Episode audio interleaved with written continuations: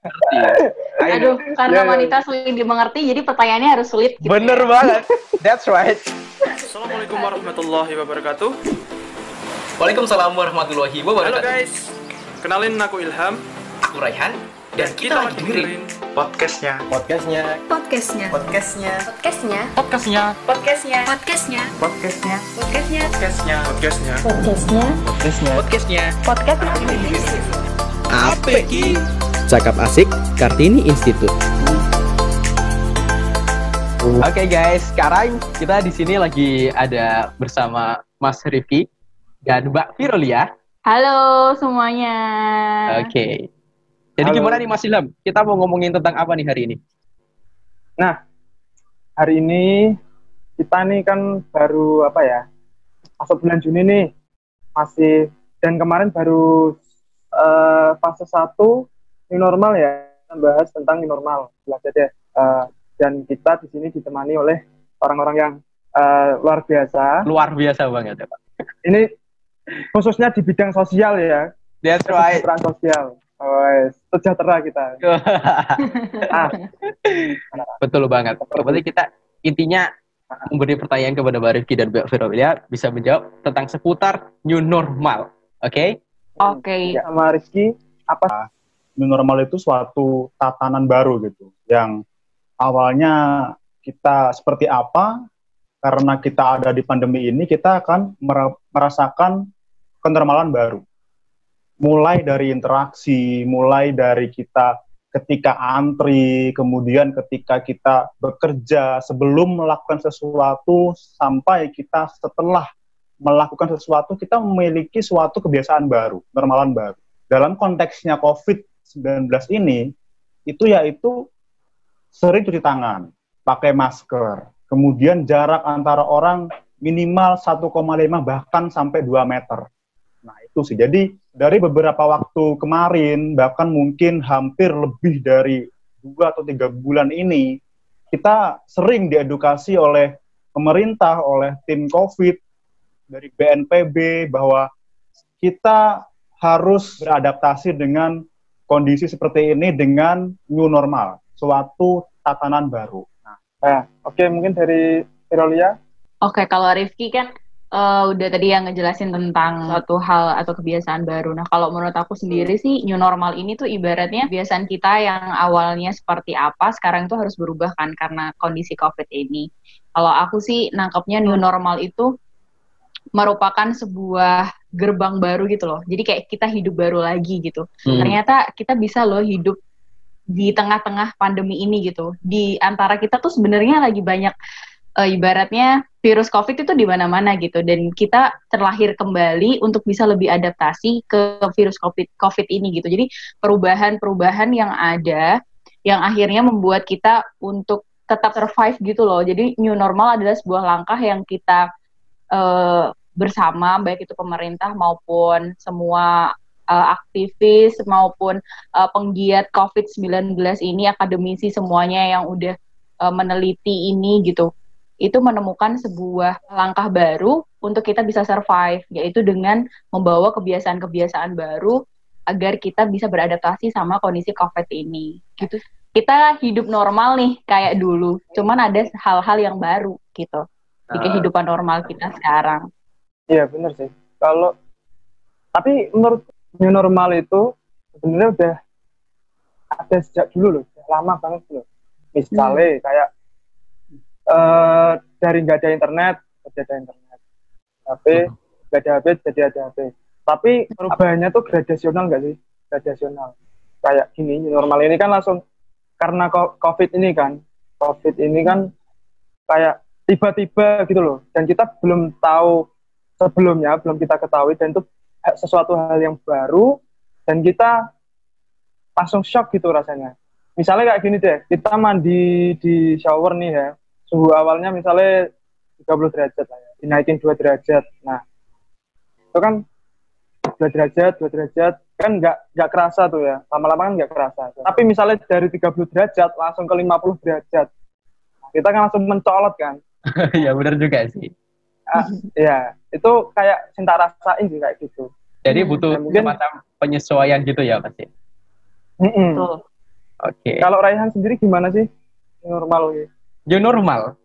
Kalau menurut saya new normal dari bahasa sendiri itu new berarti baru. Eh. Sedangkan normal itu seperti biasa. Jadi kita melakukan sesuatu yang Iya. biasa, tapi ditambah sesuatu yang Baru. baru gitu. Intinya mah gitu, Pak. Intinya gitu. Betul, betul. Iya, Normal betul. Intinya gitu sih. Betul banget. Intinya. Jadi kayak apa ya? Kita ngelakuin hal-hal yang biasa kita lakuin, cuman kita tambah ada tambah-tambahannya gitu. Betul banget. Tambahannya itu Iya. yang baru itu Betul gitu. banget. Tujuannya untuk apa ya? Biar kita bisa survive bareng-bareng karena ada banget. pandemik ini kan. That's right. Oke, Hmm. pertanyaan Eh. menurutku nih dari pertanyaanku untuk Mas Riki dan Mbak Virolia. Menurut Mas Oke. Riki itu dampak positif atau negatifnya dari new normal itu apa? Ini kalau kita lihat dampak apa dulu ya? Negatif dulu nih ya. Oke. Negatif nih. Mhm. Eh, new normal kan istilahnya itu kayak ada apa eh, kehidupannya baru. Mhm. Pasti beberapa orang mungkin udah paham, udah siap. Ketika dia udah tahu informasinya, dia udah tahu tentang bagaimanakah kita melaksanakan new normal itu. Gitu. Tapi mungkin beberapa orang yang belum teredukasi. Nah ini PR kita bersama ini Oh, Oke. untuk memberitahu, mengedukasi bapak, Betul, ibu, Heeh, bapak, ibu, bahkan yang mungkin yang udah sepuh-sepuh itu kakek, nenek, mbah. Karena kita eh, mengalami hal yang baru, maka harus pakai masker, harus mencuci tangan. Kita kan nggak tahu nih COVID seperti apa bentuknya, kita nggak tahu dia di mana gitu kan. Nah kalau yang awalnya kita diem di rumah aja gitu kan, kita kan lebih aman di rumah nih. Tapi karena nggak mungkin orang lama-lama di rumah terus kan, Benar banget. otomatis dia mungkin boring. Ya namanya juga makhluk sosial kan, Betul. apalagi orang-orang yang suka dengan keramaian, dia yang udah bosen di rumah, saya mau apa lagi gitu kan. nah, tapi juga merupakan tantangan juga nih eh, Ya. dengan new normal baru ini. Otomatis kan mulai apa ya, ada pergerakan ekonomi lagi. Mungkin hotel-hotel terisi lagi, kegiatan perekonomian naik lagi. Memang beberapa ada yang eh, mau nggak mau harus siap sebenarnya ini. Iya, benar. Karena kita nggak bisa, nggak bisa lama-lama seperti ini, dan kita harus hadapi ini bersama-sama dengan new normal itu. Demikian, Mas Raihan. Oke.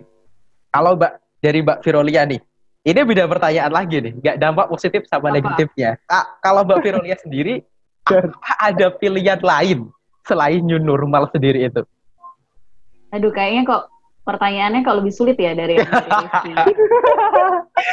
Pasti ya. Beda. Kayak wanita-wanita itu sulit dimengerti, Mbak. I know, I know. Wanita Cuman, dimengerti. I know. Aduh, karena Ya, ya, ya. wanita sulit dimengerti, jadi pertanyaannya harus sulit. gitu Bener ya. banget. That's right.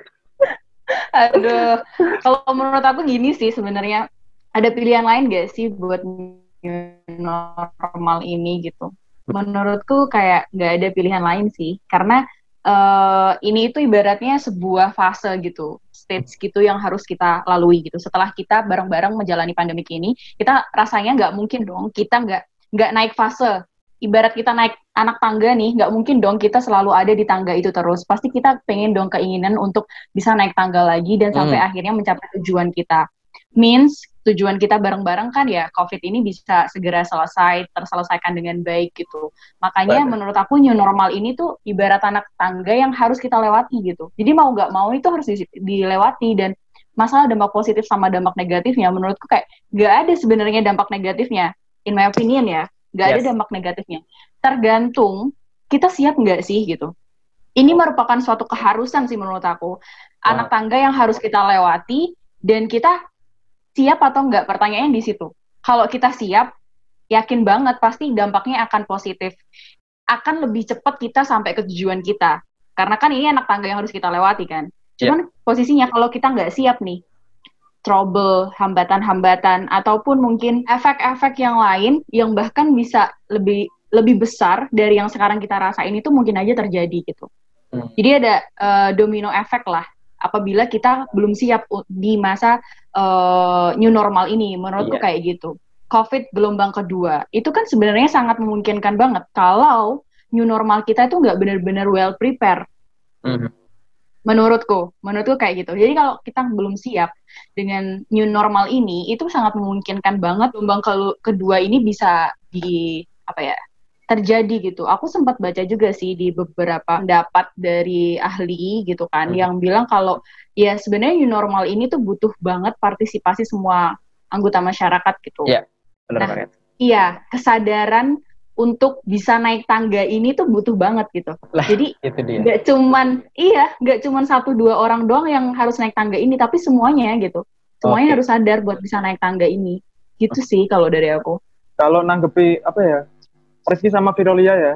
Itu itu yang bisa kita lakukan. Jadi misalnya sosialisasi tadi ke apa orang-orang yang belum tahu misalnya kayak eh, orang yang sudah lansia Mhm. orang desa. Kan kita juga kita eh, bisa lihat kalau orang-orang desa orang-orang yang memang belum apa ya yang terbatas eh, sistem informasinya gitu kan.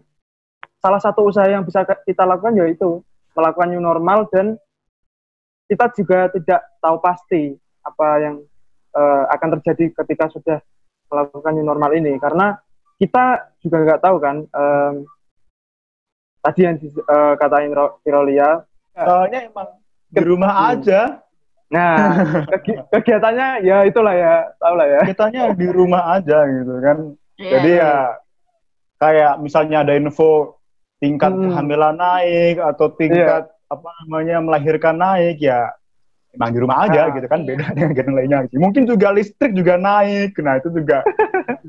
Jadi produksi Iya, iya. listrik banyak, juga produksi yang lain juga banyak. Jadi Tapi sebenarnya kalau aku pernah baca salah satu artikel yang dikeluarin Hmm. sama pemerintah Wuhan, eh, apa ya akademisi dari Wuhan dia bilang kalau dampak dari COVID ini setelah COVID selesai ya, kalau di Wuhan itu angka perceraian itu jadi tinggi. oh perceraian Jadi kayak ya. ibarat iya, angka perceraian itu jadi tinggi gitu. Jadi ibaratnya secara dampak psikososialnya, secara psikologis maupun secara sosial itu ternyata sangat berdampak banget gitu. Ibaratnya kayak kamu ketemu sama orang itu itu tuh lagi gitu, nggak ada charging atau nggak ada proses interaksi sama yang lain kan. Semakin kita sering bertemu dan bertatap muka kan sebenarnya itu juga menaikkan apa ya intensitas kita untuk berselisih paham kayak gitu kan. Iya, iya. Nah, itu juga mungkin jadi salah satu efek eh, ternyata di Wuhan itu setelah eh, COVID-19 ini selesai di Wuhan, yang gelombang pertama, itu tuh memberikan efek